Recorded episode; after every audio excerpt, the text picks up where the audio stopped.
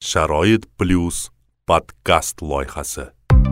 Ijtimoiy himoya vazirligi ochiladi tashkil etiladi degan rasmiy ma'lumot e'lon qilingandi lekin endi ijtimoiy himoya agentligi ochildi. Misol uchun agentlik hozirgi kunda oltita vazirlik va idorani e, ijtimoiy himoya sohasidagi vazifa vakolatlari beradi. Ishonch telefon raqami bor edida bir o'tgan yilcha o'n ikki qirq olti nogironlarni masalalar bo'yicha o'zbekistonda protezlari umuman yaroqsizda kiyib bo'lmaydi uni yurib bo'lmaydi. Assalomu alaykum hurmatli tinglovchilar. Toshkent shahar sharoit plyus nogironlar jamoat birlashmasining rasmiy telegram kanalida innovatsion media loyihalari doirasida tashkil etiluvchi sharoit plyus podkastning navbatdagi soni taqdimoti bilan mikrofon oldida kamina ulug'bek mamatxonov va bugun biz mavzu tariqasida shu podkastimiz mavzusi sifatida o'sha bu yil e, nima desam ekan hamma uchun kutilgan bir e, qaror imzolandi va judayam ko'pchiligimiz kutgan bir tashkilot e, dunyo yuzini ko'rdi tashkil topdi. Bu judayam katta islohot bo'ldi deb baholaymiz.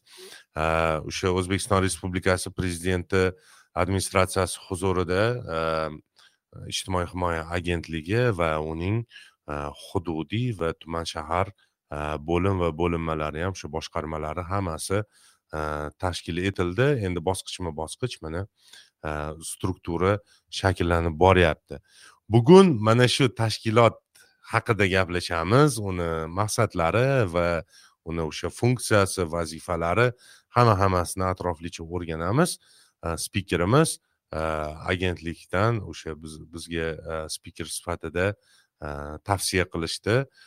Mana shu inson sizlarga batafsil hamma ma'lumotlarni bera oladi deb e, namozov o'tkir aka. Assalomu alaykum o'tkir aka. Assalomu alaykum. Aka. Qimmatli vaqtingizni ayamasdan e, bizni podkastimizda ishtirok etayotganingiz uchun minnatdorchilik bildiramiz va e, birinchi savolni berib o'tmoqchi edim. E, mana iyun oyida o'zbekiston respublikasi prezidentini o'sha tegishli qarori bilan agentlik tashkil topdi. Endi ko'pchilik so'rayaptida nimaga endi vazirlik emas? Chunki mana ko'p e, xabarlar bo'lgan edi o'sha ikki ming yigirma ikkinchimi ikki ming yigirma uchinchi yilda ijtimoiy himoya vazirligi ochiladi tashkil etiladi degan bir e, rasmiy ma'lumot e'lon qilingandi lekin endi ijtimoiy himoya agentligi ochildi. E, bu nima maqsadda ochildi? O'zi bugungi kunda buni vakolatiga bu agentlikni vakolatiga nimalar kiradi? Qanaqa yo'sinda ishlaydi shuni bir bosqichma bosqich bir gaplashib endi ma'lumot beramizda tinglovchilarimizga marhamat. Ho'p bo'ladi. Ulug'bek aka juda to'g'ri ta'kidladingiz. Nima uchun vazirlik emas nima uchun aynan prezident huzurida prezident darajasida alohida agentlik tashkil etildi degan masalani to'g'ri qo'ydingiz. Haqiqatdan ham bir necha yillar oldin bu e'lon qilib borilayotgan edi ijtimoiy himoya sohasida alohida tuzilma bo'ladi vazirlik yoki qandaydir qo'mita bo'ladi degan masala e, internet tarmog'i orqali bir necha marta yangragan edi. E, buning asosiy sabablaridan e, biz bilamizki birlashgan millatlar tashkilotining bir nechta xalqaro tashkilotlari bor unisef va boshqa tashkilotlar bor. Ular o'zbekistonga kelish jarayonida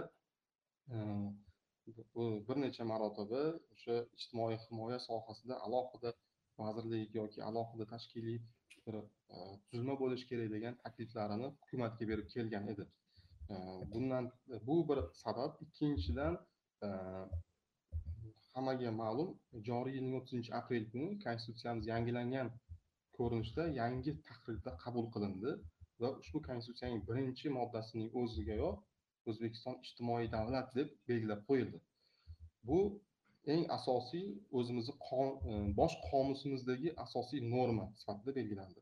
Undan keyin e, iyerarxiya bo'yicha keladigan bo'lsak joriy yilning to'qqizinchi iyun kuni prezidentlik saylovlari o'tkazildi va prezidentlik saylovlaridan oldin e, davlatimiz rahbari saylov oldi dasturlarida bir necha marta ta'kidlagan edilar ijtimoiy himoya sohasida alohida tashkiliy tuzilma tashkil etamiz degan va asosiy umumiy vazifalarini ham o'sha saylovoldi dasturida aytib o'tgan edilar. Va shundan so'ng prezident saylovi o'tgandan so'ng undan keyin mana konstitutsiyamiz qabul qilingandan so'ng zudlik bilan ikki ming yigirma uchinchi yilning birinchi iyun kuni davlat rahbarining sakson ikkinchi son farmoniga asosan o'zbekiston respublikasi prezidenti huzuridagi ijtimoiy himoya milliy agentligi tashkil etildi. Nima uchun vazirlik yoki boshqa bir qo'mita emas aynan prezident huzurida bevosita davlat rahbarining o'zi ijtimoiy himoya e, sohasini o'zi nazorat qilishi va e, eng asosiy bir e, siyosati ekanligini davlat siyosati darajasiga ko'tarilganligini bir namunasi sifatida tushunishimiz kerak bo'ladi. Agarda vazirlik bo'lganda yo qo'mita bo'lganda ko'pchilikka ayon bu bevosita hukumatga vazirlar mahkamasiga bo'ysunadigan bir tuzilma bo'lardi. Aynan o'sha prezident huzurida tashkil etilganligi uchun to'g'ridan to'g'ri prezidentga bo'ysunadi va prezident muvofiqlashtirib boradi. Prezident siyosatni belgilaydi. Shunga ko'ra aynan prezident e, davlat rahbarimizning o'zi shu siyosatni o'zlari olib borishi va nazorat qilib borishi e, borish e, borishi kerakligini inobatga olib aynan prezident huzurida agentlik tashkil etildi. Shunda agentlik direktori tushunishimcha to'g'ridan to'g'ri o'zbekiston respublikasi prezidentini mana shu masaladagi maslahatchisi ham hisoblanadimi shunda? Shu kunda shunaqami o'zi? To'ppa to'g'ri. O'zbekiston respublikasi prezidenti huzuridagi ijtimoiy himoya milliy agentligining direktori bir vaqtning o'zida davlat maslahatchisi hisoblanadi va ushbu siyosatni davlat rahbaridan to'g'ridan to'g'ri qabul qilib oladi yo'l yo'riq yo'nalishlarni va e, to'g'ridan to'g'ri prezidentga bo'ysunadi va to'g'ridan to'g'ri prezidentga hisobot beradi. Shuning uchun ham e, agentlik direktori davlat maslahatchisi hisoblanadi. Ya'ni ijtimoiy ijtimoiy himoya sohasidagi davlat maslahatchisi hisoblanadi. Mhmm. Tushunarli.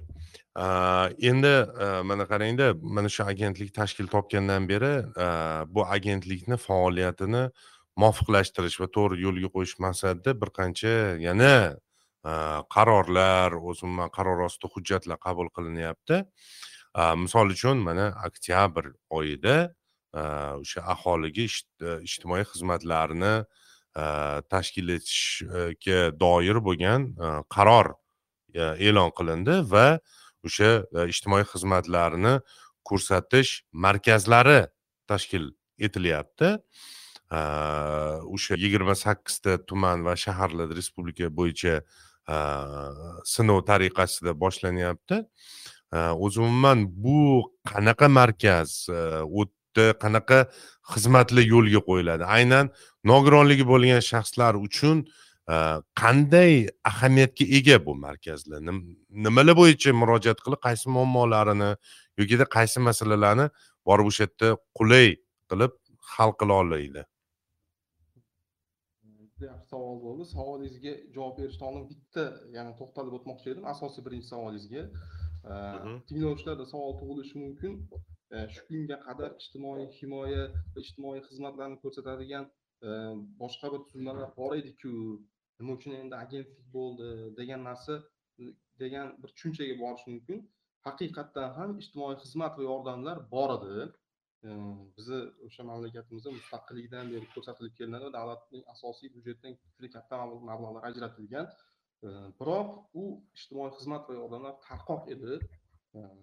Misol uchun agentlik hozirgi kunda oltita vazirlik va idorani ijtimoiy himoya sohasidagi vazifa vakolatlari berilgan. Bundan tashqari o'n beshta vazirlik va idorani ijtimoiy himoya va xizmatlar ko'rsatish yordam berish sohasidagi vazifalarni muvofiqlashtirib borish vazifasi yuklatilgan birgina so'z bilan aytganda ilgari mavjud bo'lgan tizim hozirgi kunda bitta yagona bir davlat organini qo'lida jamlanib yig'ilib bormoqda. Ya'ni tarqoq emas yagona tashkilot tomonidan ko'rsatilishi va siyosat yuritilishi belgilanmoqda.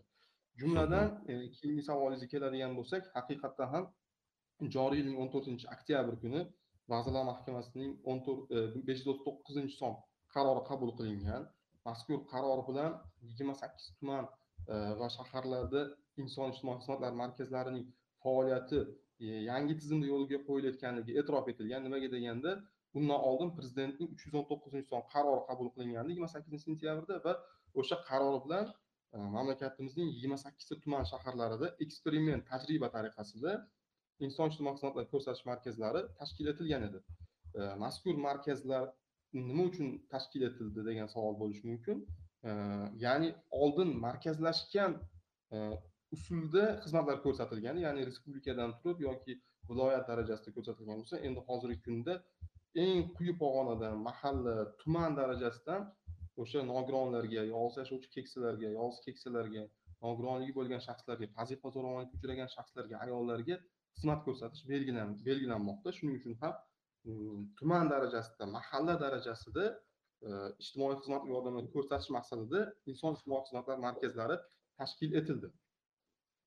E, ushbu markazlar tomonidan e, qirq- ish- e, inson ijtimoiy xizmatlar markazlari tashkil etildi va yigirma sakkizta tumandagi bir ming uch yuz ellik bitta mahalla mavjud. Yigirma sakkizta tumanda va bir ming uch yuz ellik bitta mahallaga yetti yuz yigirmata yetti yuz yigirma nafar E, ijtimoiy xodimlar biriktirilgan e, mana shu ijtimoiy xodimlar tomonidan bevosita mahalla darajasida ijtimoiy xizmatlar va yordamlar ko'rsatiladi.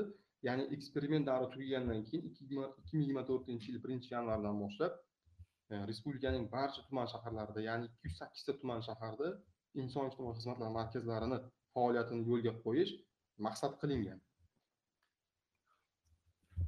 Mhmm. Tushunarli kattakon rahmat.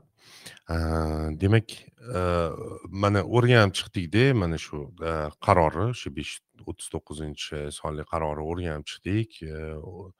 Va bir qancha savollar paydo bo'lyapti. Misol uchun mana faollarimiz tomonidan shunaqangi yana bitta savol borki mana mana shu markazlarda o'sha ijtimoiy xodimlar guruhlari ham tashkil etiladi va ular Э, ma'lum bir xizmatlarni ko'rsatadi deyilyapti hozir bundan oldingi savolimizga javob berilganda ham qisman e, shu haqda eslab o'tdingiz.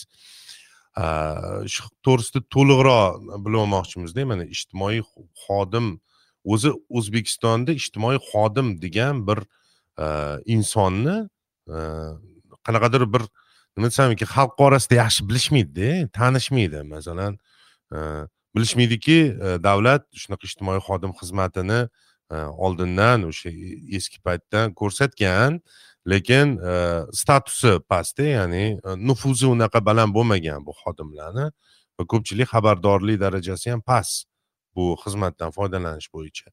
Va shu ijtimoiy xodimlar nima xizmat ko'rsatishadi endi? O'sha insonlarga qanaqa bo'ladi u? Tibbiy xizmatmi psixologik xizmatmi yoki qanaqadir ma'naviy boshqa nima xizmatlari bo'ladi insonlarimiz misol uchun o'sha parametrlarga to'g'ri kelishsa ijtimoiy xodim yordamidan foydalanish uchun nimalar qilishlari kerak o'zi mana shu mexanizm qanaqadir joriy qilindimi shu kunda? Qayerga borish kerak? Ijtimoiy xodim kerak manga mana shu uyimga bir keladi deydimi? Kimdirlar ijtimoiy xodim desa yo u uyga kelib uyda ishlarni qilib beradigan odam deydi kimdirlar aytadi? Yo'q deydi u ijtimoiy himoya agentligidagi o'sha markazda o'tirib o'sha yerda faoliyat ko'rsatadi deydi. O'zi shu to'g'risida qanaqa o'zi bu lavozim? To'g'ri savol berdingiz. Haqiqatdan ham e, ijtimoiy xodim bu yangi institut. Tushunishimiz kerak bu yangi institut yangi e, lavozim yangi vazifa desak bo'ladi yangi kasb bu. Oldin haqiqatdan bo'lgan ijtimoiy xodim deb yuritilgan hozirgi kunda o'sha ijtimoiy xodim ilgari ijtimoiy xodim deb yuritilgan kasb egalari ijtimoiy xodim assistenti deb o'zgartirildi.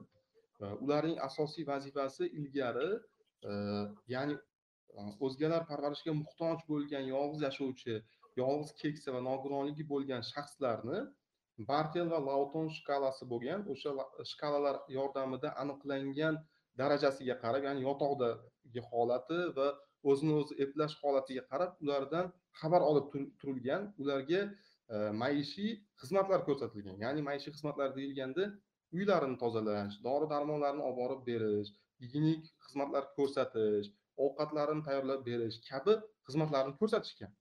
Endi ana shu ijtimoiy xodimlar o'sha paytdagi ijtimoiy xodim deyilgan va ular hozirgi kunda mana shu yuqorida aytib o'tilgan e, xizmatlarni ko'rsatuvchi shaxslar hozirgi kunda ijtimoiy xodim assistenti deb o'zgartirildi.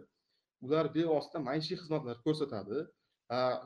Bizga endi yangi atalayotgan ijtimoiy xodim yangi kasb bu professional darajasida bo'ladi. Ya'ni e, yuqorida aytib o'tdim yigirma sakkizta tumanda yetti yuz yigirmata ijtimoiy xodimlar biriktirildi dedim. O'zi jami ikki yuz sakkizta tuman shahar respublikaning barcha tuman shaharlariga besh ming to'rt yuz yigirma to'rt nafar ijtimoiy xodimlarni biriktirish ko'zda tutilgan. Kelgusi yil birinchi yanvardan boshlab ularning faoliyati yo'lga qo'yiladi. Ular asosan mahalla fuqarolar yig'inlari yig'inlari binosida dan alohida xona ajratiladi va e, xalq o'sha joyda yashaydigan mahallada yashaydigan fuqarolar bevosita o'sha ijtimoiy xodimni taniydi.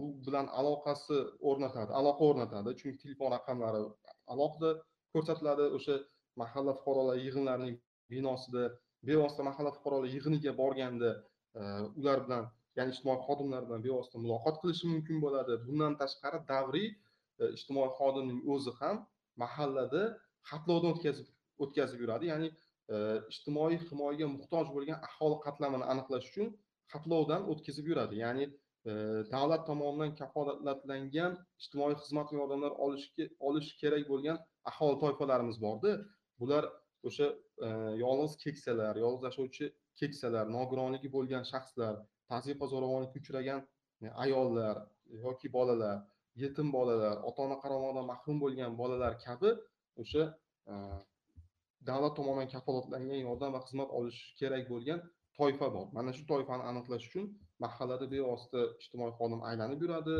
e, ijtimoiy xodim ularni xatlovdan o'tkazadi. O'sha vaqt oralig'ida o'sha mahallada yashaydigan aholi e, ijtimoiy xodim bilan bevosita aloqaga kirishadi. Ya'ni uni taniydi unga ertaga murojaat qilish mumkin bo'ladi.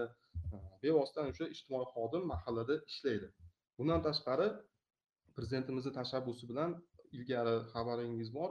Mahalla beshligi bo'lardi. Hozir mahalla yettiligiga o'zgartirildi. Ya'ni mahalla darajasida fuqarolarni o'sha e, og'irini yengil qilishga qaratilgan va ularga xizmat ko'rsatishga qaratilgan tizim yaratilmoqda. E, o'sha mahalla fuqarolar yig'ini raislari hokim yordamchilari xotin qizlar faollari yoshlar yetakchisi profilaktika inspektori soliq inspektori hamda ijtimoiy xodimdan iborat bo'lgan mahalla yettiligi tashkil etildi. E, bevosita o'sha ijtimoiy xodim fuqarolarni murojaatlarini qabul qilib oladi. Misol uchun tazyiq zo'ravonlikka uchragan xotin qizlar bo'yicha o'sha o'sha mahalladagi xotin qiz murojaat qilishi mumkin. Uni murojaatini qabul qilib oladi va ishni tashkillashtirish uchun profilaktika inspektorini jalb qiladi e, va dastlabki baholashdan o'tkazadi va dastlabki baholash natijasiga ko'ra agar o'sha tazyiq va zo'ravonlikka uchragan ayolda e, xotin qizlarda qandaydir e, huquqbuzarlik alomatlari aniqlansa yoki boshqa og'ir holatlar aniqlanadigan bo'lsa keys ochiladi. Ya'ni bu ijtimoiy ish keysi deb nomlanadi. Ya'ni u tizimlashtirilgan elektron tartibda keys ochiladi va keysdan keyin belgilangan tartibda o'sha e, tazyiqqa uchragan shaxsga xizmatlar ko'rsatilishi boshlanadi. Bu bittagina misol sifatida aytyapman. Bundan tashqari yetim bolalar bo'yicha alohida keys bo'ladi e, yolg'iz yashovchi keksalar bo'yicha alohida keys bo'ladi va yolg'iz yashovchi keksani hech kim yo'q bo'ladigan bo'lsa uni saxovati muruvvat internet uylariga joylashtirish bo'yicha alohida ish yuritib boradi. Mana shunday ko'rinishdagi xizmatlarni ko'rsatadi.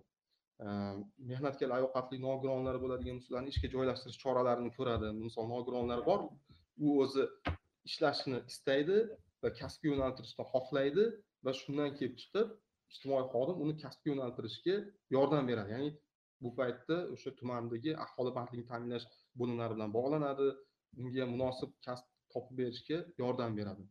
Ya'ni o'sha mahalladagi ijtimoiy himoyaga muhtoj aholi qatlamini roziligidan roziligidan kelib chiqib xizmatlar ko'rsatadi. Hmm, tushunarli. Rahmat batafsil e, ma'lumot uchun.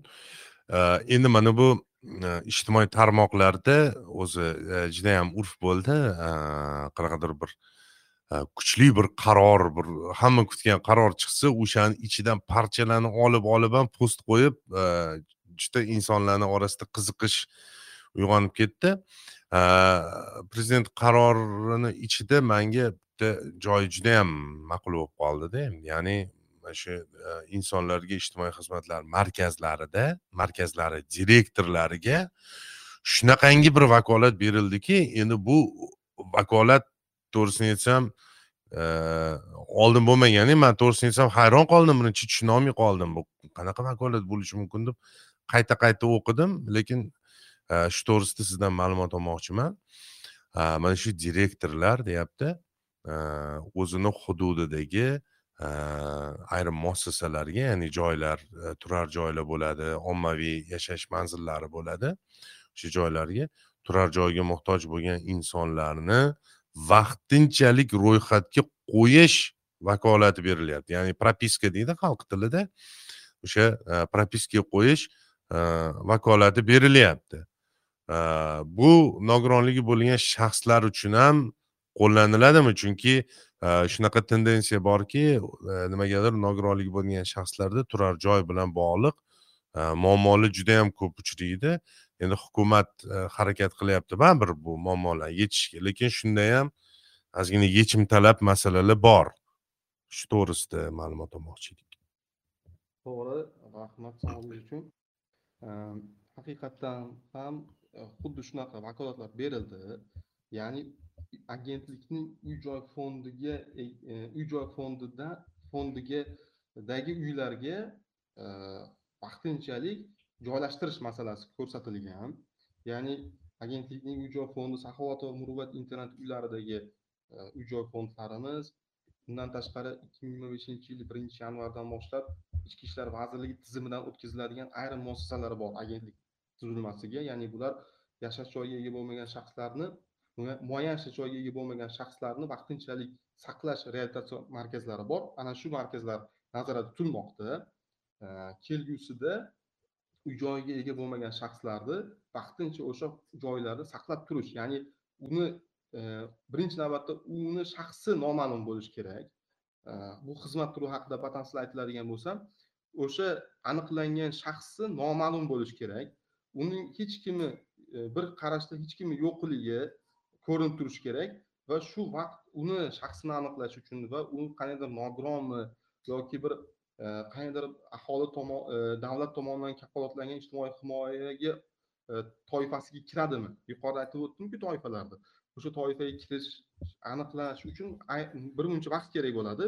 O'sha vaqt oralig'ida o'sha shelterlarga boshpanasiz e, odamlarni o'sha shelterlarga joylashtiriladi va aniqlangandan keyin uni agar yaqin qarindoshlar topiladigan bo'lsa yaqin qarindoshlarga murojaat qilinadi. Shunaqa shaxs topildi. Sizlar buni qaramog'ingizga olasizmi degan mazmunda murojaat qilinadi. E, xullas kalom mana shunday e, mexanizm yo'lga qo'yiladi. Ya'ni bu hech kim o'sha toifa ham davlatning himoyasidan chetda qolmaydi degan narsa kelib chiqadi. Endi nogironlarga keladigan bo'lsak haqiqatdan ham aniqlangan shaxsda nogironlik holati bo'lsa ya'ni tashqi ko'rinishdan ko'rinib turibdi unda misol bitta qo'li yo'q yoki bitta ko'zi yo'q yoki oyog'i yo'q. Shunday jamiyatimizda borku shunday insonlar? Bir qarashda u inson nogironligi ko'rinib turibdi va u insonga yordam kerak. Uni misol hech kim yo'qligi ham tashqi ko'rinishdan boshqa nimasidan ko'rinib turibdi. Va shu vaqt oralig'ida ijtimoiy xodim aniqlasa uni inson markazlari direktoriga taqdim etadi.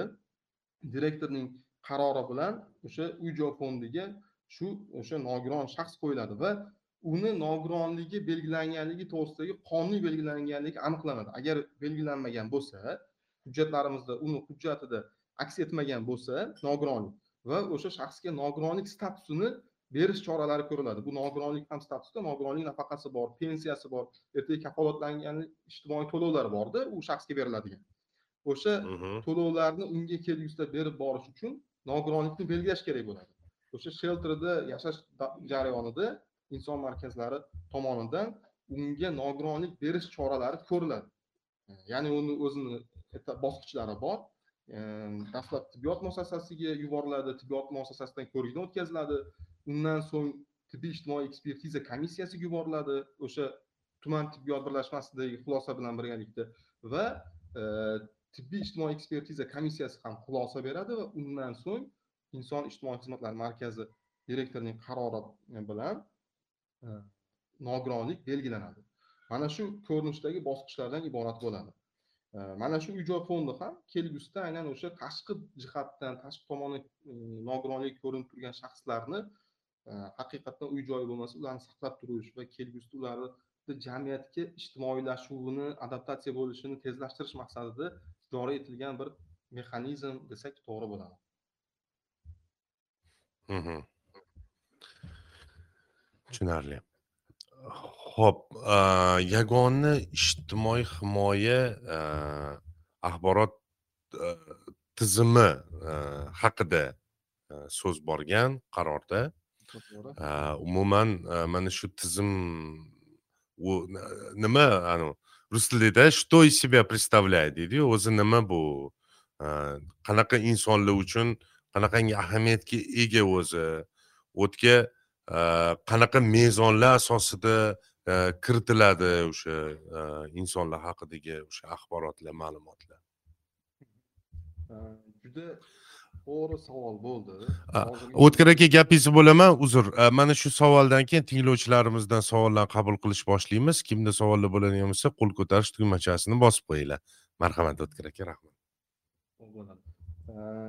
haqiqatdan yigirma birinchi texnika asri hozir uyma uy yurib mahallama mahalla xatlovdan o'tkaziladi boshqa boshqa bo'ladi va uning natijalari elektron tizimga kiritiladi ya'ni yuqorida aytib o'tganingizdek yagona milliy ijtimoiy himoya axborot tizimi joriy etilmoqda. Mazkur axborot tizimi nima uchun joriy etilyapti? O'zbekistondagi jami o'sha barcha ijtimoiy himoyaga muhtoj aholi qatlamini shakllantirish uchun ularga to'lab boriladigan ijtimoiy to'lovlarning miqdorini aniqlash uchun va ularga qancha miqdorda to'lovlar berilganligi va kimga qancha miqdorda yordam ko'rsatilganligi xizmat ko'rsatilganligi haqidagi ma'lumot nima deydi ma'lumotlar bazasi desak to'g'ri bo'ladi. Ya'ni ertaga e, o'sha tizimga kiritilgan shaxslar bir yil ikki yil yo uch yil necha yil oldin ko'rsatilgan bo'lsa ham tizimda ko'rinib turadi. Unga qanday xizmatlar ko'rsatilganligi bandligini ta'minlash uchun nimalar qilinganligi yoki qanaqa kasalliklarni boshdan o'tkazganligi yoki qanday davolash yo'llari choralari ko'rilganligi kabi masalalar bo'ladi. Bundan tashqari yagona ijtimoiy himoya axborot tizimimizga moliya iqtisodiyot va moliya vazirligi tizimidagi yagona reyestr bor edi. Mana shu yagona reyestr ham integratsiya qilinmoqda.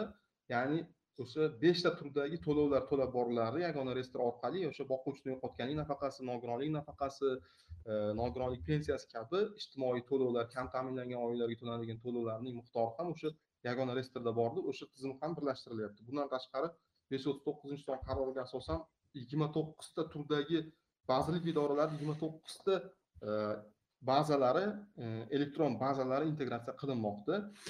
Bu o'sha uzr gapingizni bo'lyapman uzr bitta oydinlik kiritib ketmoqchi edim. O'sha ijtimoiy himoya reyestri negizida deb tushunsak ham bo'ladimi? Endi ijtimoiy himoya reyestri degan tushuncha bo'lmaydimi shunda? Shunaqami?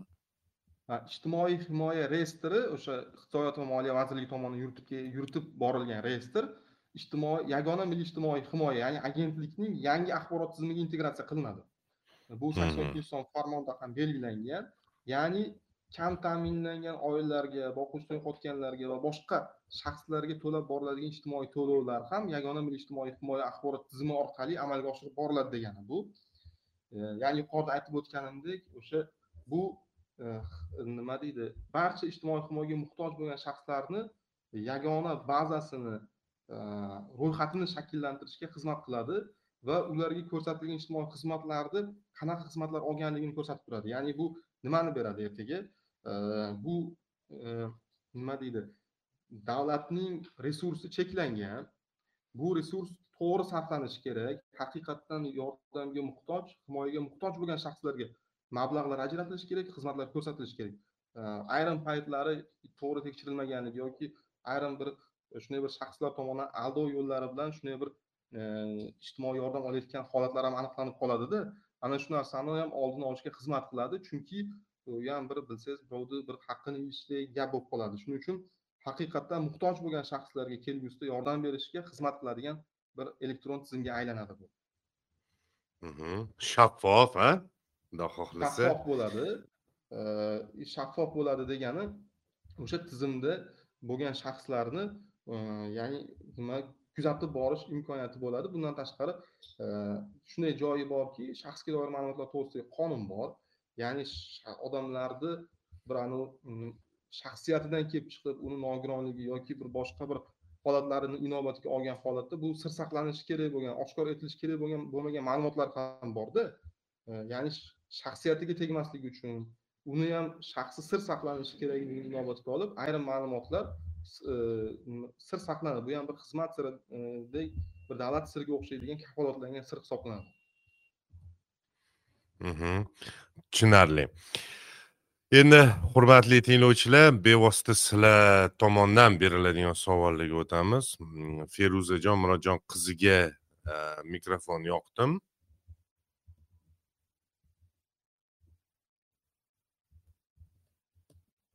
E, marhamat feruza murodjon qizi.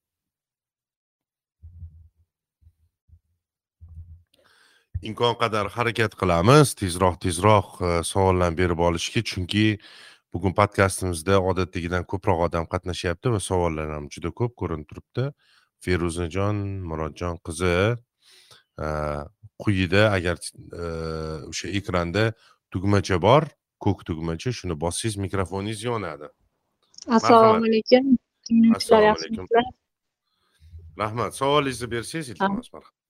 Mani savolim o'sha ijtimoiy himoya agentligi tashkil qilinyapti deb qaror chiqqanida prezidentimiz tomonidan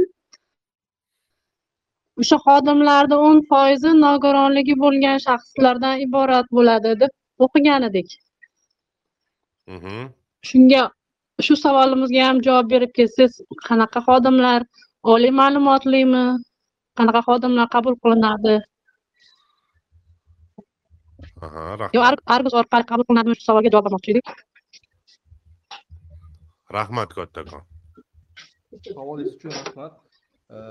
Bu mazkur sakson ikkinchi son farmonda belgilanmagan yoki boshqa bir qarorlarda belgilanmagan bu e, masala prezidentimizning davlat e, saylov oldi dasturlarida belgilangan edi o'sha e, liberal demokratik partiyani umumiy yig'ilish syezdida bo'lib o'tgan yig'ilishda aytib o'tilgan edi yangi e, alohida tuzilma tashkil etiladi ijtimoiy himoya bilan e, shug'ullanadigan va u tashkiliy tuzilmadagi o'sha tashkilotdagi xodimlarning o'n foizi nogironligi bo'lgan shaxslardan tashkil etiladi degan bir saylov oldi dasturida shunday bir nima ketgan. Haqiqatdan ham bu masala agentligimizning rahbariyati tomonidan e, kun tartibiga kiritilgan e, agentligimizning xodimlari va hududiy boshqarma va agentlik tizimidagi tashkilotlarning xodimlarining e, ko'plab shaxsiy o'sha ishlab kelayotgan qismi bu nogironligi bo'lgan shaxslardan tashkil topgan. Bevosita buni o'sha agentlikka kelgan shaxslar ham yoki murojaat qilishda kelgan shaxslar ham ko'rishi mumkin. Tashqi ko'rinishdan nogironligi ko'rinib turgan shaxslar ham ishlaydi bizda. E, bular o'sha bevosita o'zini mehnati bilan samarasi samarali mehnati bilan hissa qo'shib kelmoqda.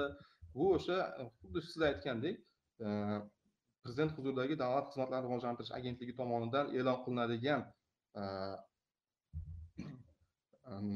e'lon e'lon beriladi. Ya'ni o'sha ishga kirish borasida e'lon beriladi va o'sha e'lonlarda bevosita nogironligi bo'lgan shaxslar ham ishtirok etishi mumkin bo'ladi. Hech qanaqa cheklov yo'q hech qanaqa bir anavi yo'q bevosita nogironligi bo'lgan shaxslar ijtimoiy himoya agentligi va uning tizimidagi tashkilotlarga ishga kirish uchun e'lon berilgan e'lonlarda qatnashishi mumkin ishga kirishi mumkin mana ishga ham kirishyapti bevosita ishlashi ham mumkin.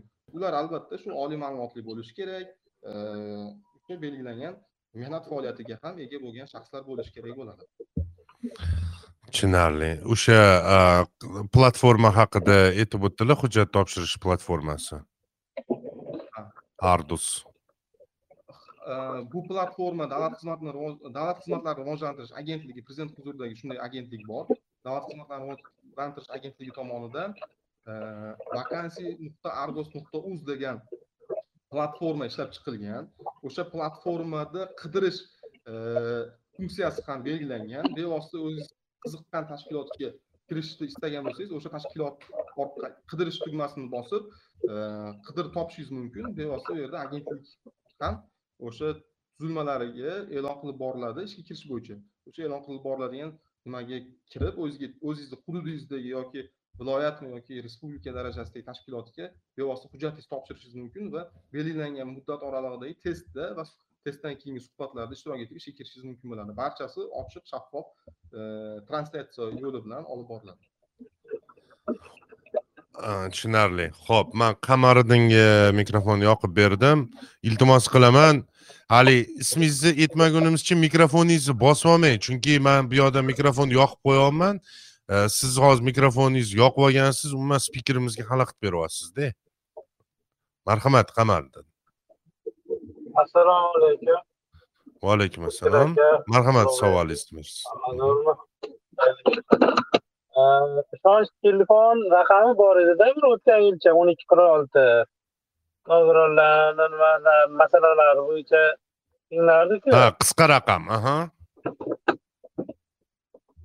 shu narsani bersangizlar bizga bir ishonch nomerini bersangizlar biza telefon qilib bir e, nimalarimizni aytdik muammolarimizni hozir siz aytgan narsalarga biz e, ko'p narsa kelmay qolyaptida ko'p narsa ishimiz bitmayapti. Rahmat kattakon demak o'sha ishonch telefon raqami haqiqatda haligi mm, sog'liqni saqlash vazirligi tizimida tibbiy ijtimoiy xizmatlarni rivojlantirish agentligi bo'lardiku. Mana shu agentlik ishonch raqami bo'lardi o'n ikki qirq olti. Qanaqadir shunaqa ishonch raqami bormi qisqa raqam? Va alaykum assalom. Qamariddin aka haqiqatda o'n ikki qirq olti bor edi. Tibbiy ijtimoiy xizmatlarni rivojlantirish agentligida keyin oila va xotin oila va xotin qizlar qo'mitasida bor edi. Bu narsa agentlik tomonidan ham joriy etilishi belgilanmoqda. Yuqorida aytib o'tdik. Uch yuz o'n to'qqizinchi son davlatimiz rahbarining qarori bilan belgilangan va kelgusi yil ikki ming yigirma to'rtinchi yilning birinchi yanvarida ya'ni eksperiment davri belgilandiku bizda uch oylik davr. O'sha davrdagi ishlar sarhisob qilinadi. Amalga oshirilgan ishlar sarhisob qilinadi yutuqlarimiz hisobga olinadi kamchiliklarimiz bartaraf etish choralari ko'riladi va shundan keyin ikki ming yigirma to'rtinchi yil birinchi yanvardan boshlab tunu kun ishlaydigan aloqa telefoni yo'lga qo'yilishi murojaat call center yo'lga qo'yilishi belgilan- belgilanyapti. Bu call center sal biz boshqacharoq qilmoqchimiz o'sha tunu kun ishlashi va belgilangan tartibda o'sha murojaat kelib tushgandan keyin bevosita agentlikning vakolatiga kirmaydigan masalalar bo'lsa misol e, tazyiqqa zo'ravonlikka uchragan holatlar bor qandaydir huquqbuzarlik holatlari bilan bog'liq bo'lgan holatlar kelyapti o'sha paytda to'g'ridan to'g'ri ichki ishlar vazirligiga bosh prokuraturaga yoki boshqa tuzilmalarga yoki favqulodda vaziyatlar bo'lib qoldi yong'in bo'lib qoldi yo boshqa narsa bo'lib qoldi shunda favqulodda vaziyatlar vazirligining ham ishonch telefoniga to'g'ridan to'g'ri murojaat ketadigan e, o'sha yo- o'sha yozma audio zapis yoki boshqacha ko'rinishdagi murojaatni yuboradigan tizimni o'ylayapmiz. E, mana shu takomillashgan tizim ustida bosh qotirilyapti va ikki ming yigirma to'rtinchi yil birinchi yanvardan boshlab ishga tushadi. Yana bir narsani aytib o'tishim kerak e, ma'lumot tariqasida o'sha tuman shaharlarda tashkil etilgan inson ijtimoiy xizmatlar markazlarida ham operator degan lavozim bor va operatorlar tomonidan ham e, murojaatlar qabul qilinadi va e, murojaatlardan kelib chiqib ijtimoiy xizmat va yordamlar ko'rsatilishi belgilanyapti bu ham o'sha sekin astalik bilan yo'lga qo'yilyapti Mhm. tushunarli. Э, fayzbek ismli tinglovchimizga mikrofon yoqib berganman. Marhamat fayzbek. Э, Mikrofoningizni yoqib savolingizni berishingiz mumkin. Chaqqon chaqqon harakat qilamiz chunki vaqtimiz cheklangan. Doimani э, o'tkir aka urishishadi podkastni kesib qo'yasiz oxirida savollarimiz qolib ketdi deyishadi. Shunchaki mana bu savollarni bayon qilishda ham gap ko'pda podkast vaqtini uzunroq qilinglar deyishadi lekin chaqqon chaqqon savol berishda ham gap katta marhamat fayzbek to'g'ri to'g'ri. Assalomu alaykum. Va alaykum assalom marhamat. Savolingiz? Men samarqand viloyatidan bezovta qilayotgandim Mhm. ming yigirma ikkinchi yil kredit oluvdimda kredit o'zim birinchi guruh nogironiman shu imkoniyatim bo'lmay qoldi. O'zim birinchi guruh nogironi edim oyog'imdan bir nima neyrotrofikaga chiqib qon aylanishim kirib bitmay ketdi shu tariqa davolana davolana hozir yangi tashmida davolanib kelib bitirdim. Yarani yo'q lekin kredit to'lamay qoldim shu qanaqadir yordam yo'llari bormi? Tushunarli savol tushunarli bo'ldi o'tkir aka. Judayam dolzarb muammo. Ayniqsa nogironligi bo'lgan shaxslarni orasida man o'zim ham ko'p kuzataman. Bir o'zlarini band qilish uchun kredit olishadi. Nimadir uskuna olamiz deb yoki boshqa yokida bir tibbiy anaqa uchun e, kredit olishadi lekin to'lolmay qolishadi va eng yomoni kartaga pul tushganda haligi pensiya tushadiku. Shu pensiyani ham yechib oladigan vaqtlar bo'lyaptida qanaqadir shu masalalar ham bir bormi kun tartibida ijtimoiy himoya agentligini kun tartibida? Bu masalalar hozircha kun tartibida yo'q. E, nimaga deganda bu o'sha bank siyosati bilan bog'liq bo'lgan masalalar ya'ni bankdan olingan pul bu bank puli hisoblanadi va tijorat bankini puli hisoblanadi va unga o'sha belgilangan vaqtda e, va unga o'sha shartnomaga imzo qo'yilgan shartnomada ko'rsatilgan shartlarga asosan pulni qaytarishga to'g'ri keladi. Bu borada ijtimoiy himoya milliy agentligi vakolatli emas buni ochiqcha aytish kerak va kelgusida qandaydir bir yordamlar bo'ladigan bo'lsa yo qandaydir bir aholi uchun shunday bir nogironlarni qo'llab quvvatlash uchun qandaydir bir anavi Э, grantlar ajratiladigan bo'lsa yoki qandaydir bir э, dasturlar ishlab chiqiladigan bo'lsa bu xalqqa ommaga e'lon qilinadi bu narsa. Lekin biroq o'sha e, bankdan olinadigan kreditlar masalasida e, ijtimoiy himoya milliy agentligi vakolatli emas chunki uni mablag'i bankni mablag'i hisoblanadi. Aha tushunarli. Lekin e, shunda ham man o'ylaymanki mana nogironligi bo'lgan shaxslarni o'sha pensiyasi tushadigan kartadan pul yechib olinishi ham man bir u qadar to'g'ri deb o'ylamayman. Va balki agar imkon bo'lsa shu ijtimoiy himoya agentligini nomidan zarurat bo'lsa balki shunaqa bir murojaatmi ya'ni nogironlarni nogironligi bo'lgan shaxslarni unaqa nima deydi? Baribir bu ijtimoiy to'lovlarda misol uchun zarur e, dori darmonga kerak bo'lib turadi. Pul a hozir pensiyam tushsin ertaga indinga tushadi olib olaman deydi. Pul tushishi bilan yechib oladi bo'ldi. Dori ham ololmaydi chunki bu juda yam og'riqli masalada nogironlik bo'lgan shaxslar emas. Baribir ko'pchiligini ikkilamchi bir qanaqadir ularni hayotini bir qiyinlashtirib keladigan kasalliklar yoki xastaliklar ham borda baribir. E, qanaqadir e, shuni bir taklif sifatida olib qolishingizni so'rardim chunki judayam qiyin masala.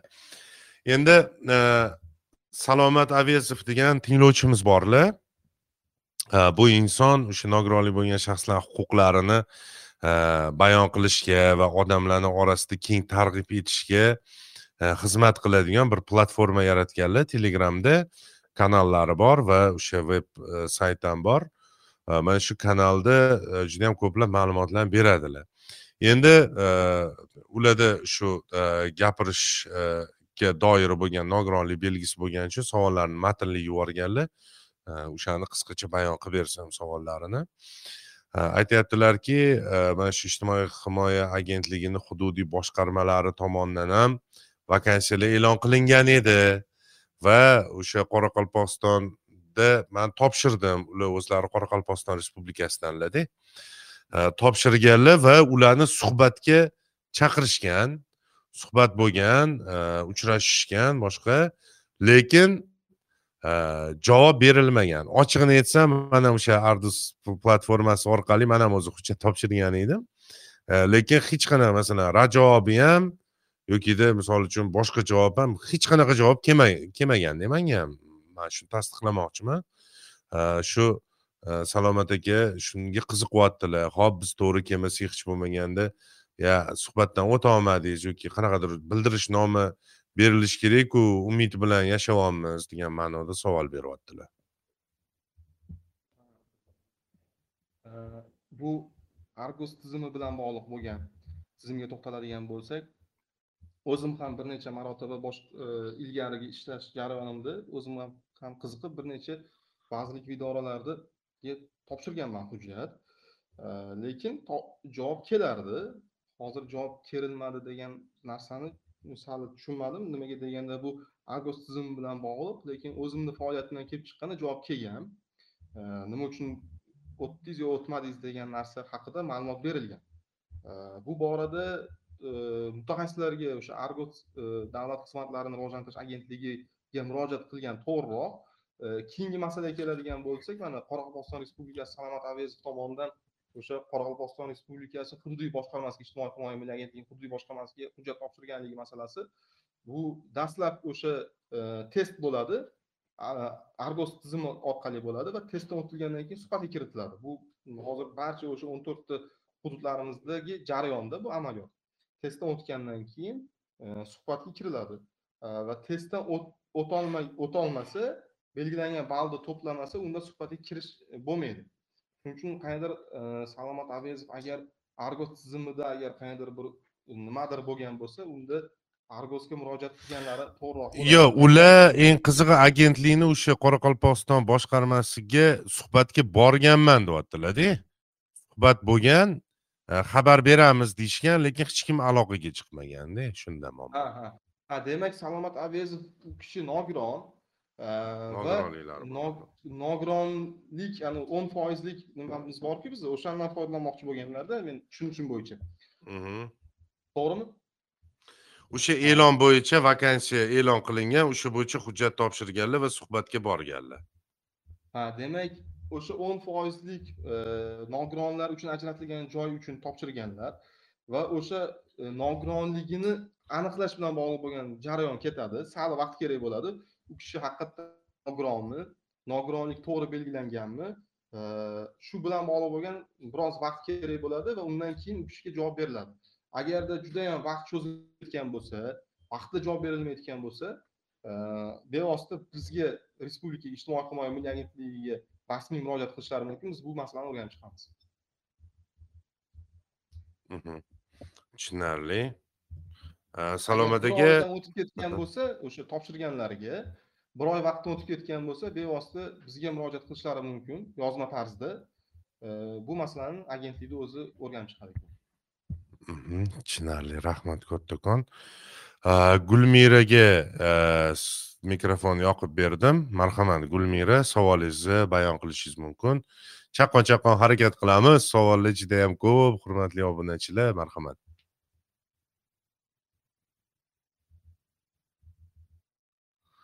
Gulmira.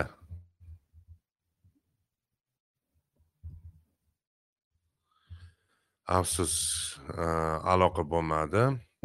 Ho'p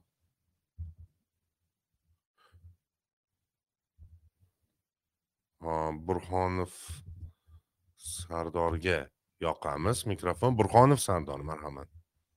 Assalomu alaykum va alaykum assalom marhamat. Savolingizni bersangiz. Qarang men ikkinchi kurs talabasiman islom karimov nomidagi texnika universitetida o'qiyman. Shu universitetda o'zida ishlasam bo'ladimi? Shuni so'ramoqchi edim siz bugungi mavzuyimizdan tanishmisiz o'zi yo'q. Hozir hozir kirdim. Ha, yo'q siz boyadan beri qo'l ko'tarib turganingiz uchun sizga to'g'risini aytsam mikrofon yoqib bergan edim. Ha, Mm. hurmatli tinglovchilar bugungi mavzuyimiz e, ijtimoiy himoya agentligi faoliyatiga doir e, bo'ladi. E, nogironligi bo'lgan shaxslarni mehnat masalasi ko'rilishi mumkin lekin u ham bo'lsa boya yuqorida eshitganimizdek tizimdagi e, o'sha vakansiyalar bo'yicha bo'ladi. Iltimos mavzuga bee'tibor bo'lmanglar vaqtimizni o'g'irlab qo'yyapsizlar to'g'risi bizani ham vaqtimiz chegaralangan. Ho'p gulnoza marhamat mikrofoningizni yoqdim. Assalomu alaykum. Va alaykum Ha, assalom marhamat. man uchinchi navoiyda uchinchi kurs talabasimanda o'sha tarix bo'yicha man o'sha ijtimoiy himoya agentligida to'rt plyus ikkida o'qiyman ishlasam bo'ladimi yoki yo'qmi marhamat ulug'bek aka e, sal tezroq gapirdilar sal jo- savol qaytarib yuboradilarmi marhamat bitta Aha. qaytaring savolni sal e, sekinroq iloji bo'lsa. ha bo'ladi man uchinchi kurs talabasimanda to'rt Aha. plyus ikkida o'qiyman o'shanga ijtimoiy himoya agentligida ishlasam bo'ladimi yoki yo'qmi? Ya'ni bakalavr bosqichida o'qib bir vaqtda va agentlikda ishlashingiz mumkinmi shuni so'rayapsiz. Mhm. ha shunaqa bu boraga to'xtaladigan bo'lsak ijtimoiy himoya milliy agentligi va uning tizimidagi tashkilotlarida oliy ma'lumotga ega bo'lgan shaxslar ishlaydi. Ya'ni siz bakalavr diplomini olganingizdan keyin bevosita E, ishlashingiz mumkin bo'ladi. E, oliy ma'lumotli bo'lmasdan turib ishlashni imkoniyati mavjud emas. Chunki bizni kasb talablarimizga e, bu belgilanmagan. Shuning uchun bevosita o'sha oliy ma'lumotli bo'lganingizdan keyin tegishli o'sha davlat imtihonlaridan o'tib diplomga ega bo'lganingizdan keyin bevosita tanlovlardan o'tib ishlashingiz mumkin bo'ladi. Lekin mana ijtimoiy xodim assistentlar haqida to'xtaldikku. Ijtimoiy xodim assistentlari va ijtimoiy xodimlarga olis va chekka hududlarda ishlayotgan ijtimoiy xodimlarga ikki tuman e, belgilangan olis va chekka hududlarimiz u yerda olis va chekka hududda ishlayotgan ijtimoiy xodimlarga diplom shart emas. Va ularga kelgusida shunday bir imtiyozlar belgilanyaptiki e, yaxshi ishlagandan keyin va o'zini e, vijdonan ishlab samarali xizmatlarni ko'rsatgandan keyin bevosita agentlikning taqdimnomasi bilan oliy o'quv yurtiga kirish kirish uchun ham imtiyozli kirish imtiyozli o'qish e, e, imkoniyatlari paydo bo'lyapti. Ya'ni o'sha oliy ma'lumotliga ega bo'lmagan shaxs ham ijtimoiy xodim lavozimida ishlab olis va chekka hududlarda ertaga oliy ma'lumotli bo'lishi mumkin imtiyozli tarzda. Shu narsani ham aytib o'tsam to'g'ri bo'ladi e, haqiqatda qarorni shu joyini biz ko'ruvdik. Judayam yaxshi. Ho'p niklariga yozyaptilar. Olloh suygan banda. Shularga mikrofon yoqib berdim. Marhamat.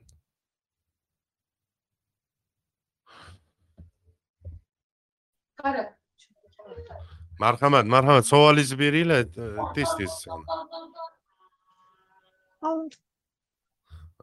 marhamat marhamat. Savolingizni bering iltimos. Vaqtimiz judayam ziq. Allo assalomu alaykum. Va alaykum assalom savolingizni bering savolingizni meni savolim shundan iborat ediki xo'jayinim birinchi guruh nogironlar ikkinchi guruh nogiron hozir bir nafar farzandimiz bor. Ikkinchi qavatda yashaymiz. Shunga anaqa uy masalasi bo'yicha misol uchun bizlarga uy beriladimi? Yo'qmi shuni bilmoqchi edim. Va qayerga murojaat qilsam bo'ladi? Siz qayerda yashaysiz o'zi? to'xtang to'xtang to'xtang sal mikrofonga yaqinroq gapirsangiz yaxshi bo'lardi toshkent shaharida yashnobod tumanida ho'p qanaqa joyda yashaysiz ikkinchi qavatda? O'n ikkinchi etажda ikkinchi qavatda yashaymiz.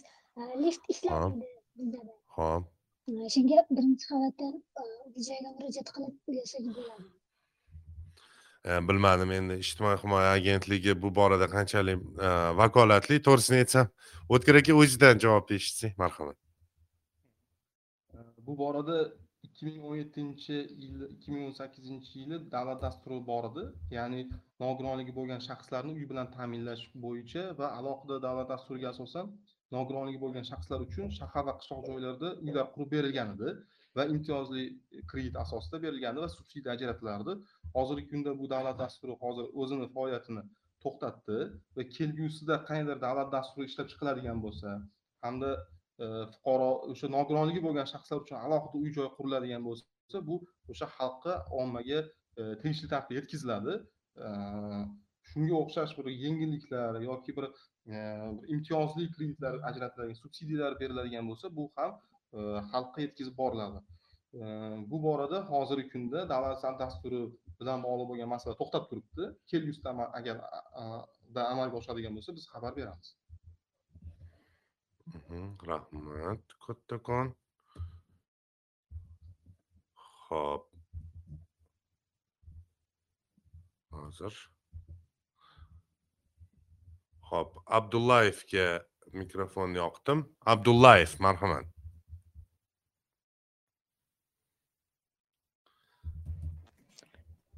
assalomu alaykum hammaga vaalaykum assalom marhamat ovozim boryapti. bu yerda chunki aloqa menda yaxshi emas shuning uchun. Yo'q yo'q judayam yaxshi kelyapti. Savolingizni qisqa lo'nda bayon qilsangiz umuman sizlardan ovoz kelmayapti. Shuning uchun gapiraveraman men ham nogironligi bor shaxslardan sanalaman. Mana shu ikki ming yigirma uchinchi yilda universitetni tamomladim. Bakalavr darajasidagi diplomni oldim.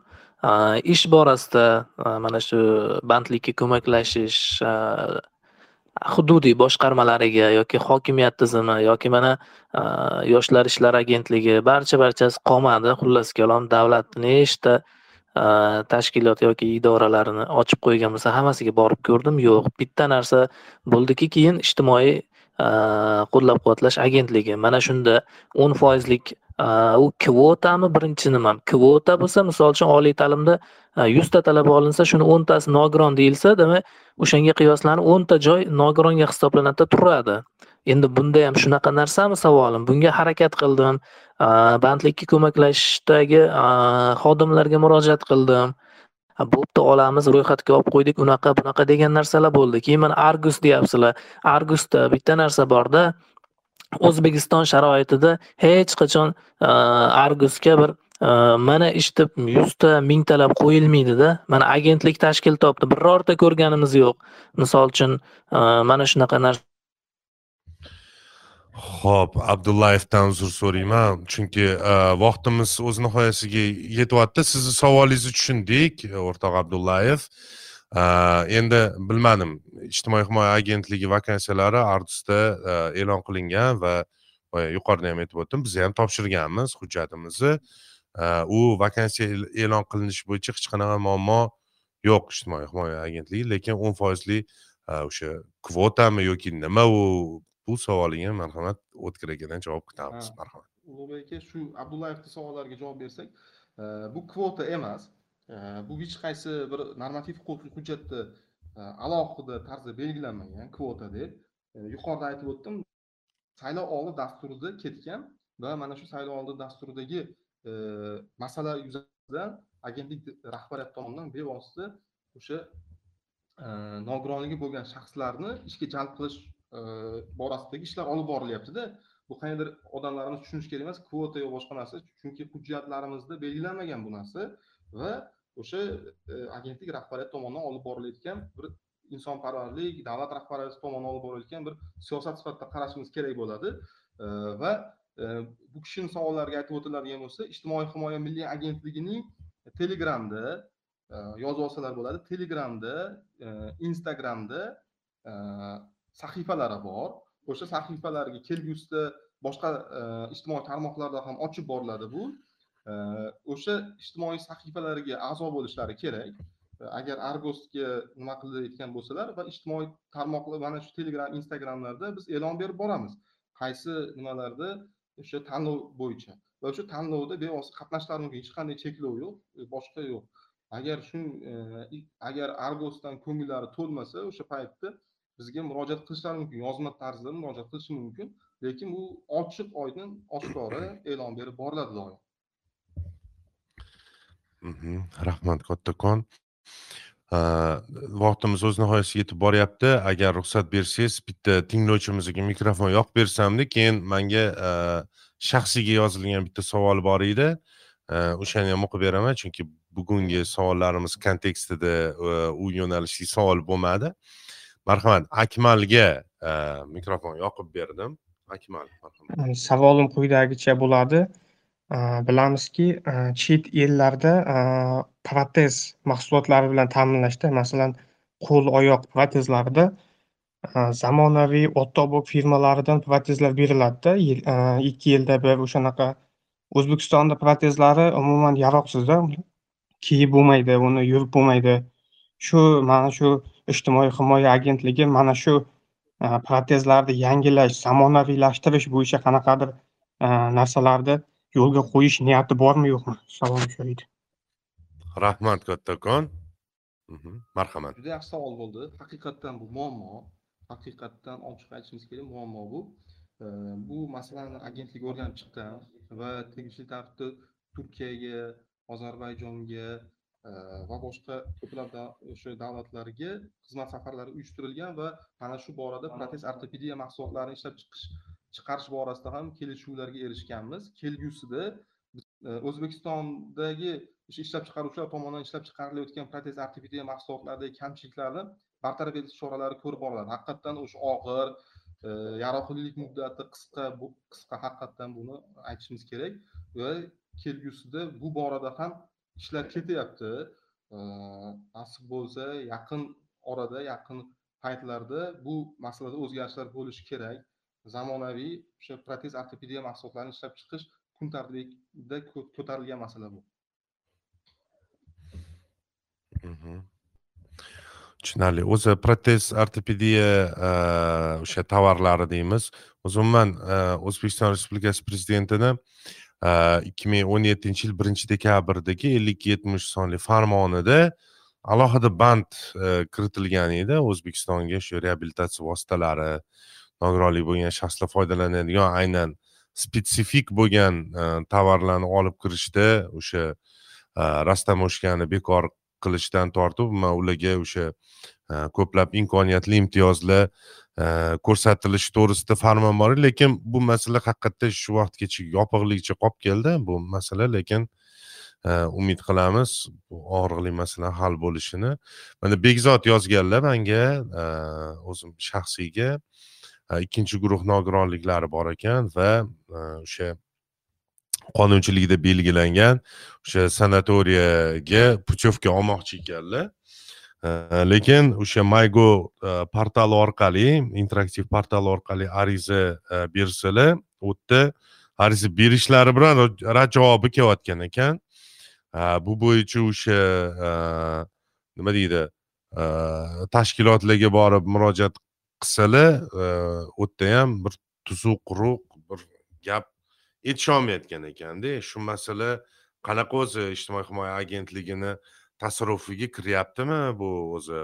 Profilaktoriya mana bu sanatoriyalarga yo'llanmalarni davlat tomonidan ajratilishi masalasi qanaqa bo'lyapti o'zi? Nimaga shunaqa muammo bo'lishi mumkin agar xabaringiz bo'lsa? Bu savolga aytib o'tish kerak. Mygovuz platformasini adliya vazirligi tomonidan yuritib boriladi mygovuz va u yerda ko'rsatilgan ijtimoiy xizmatlar ya'ni davlat xizmatlari ham adliya vazirligi tomonidan muvofiqlashtirib boriladi.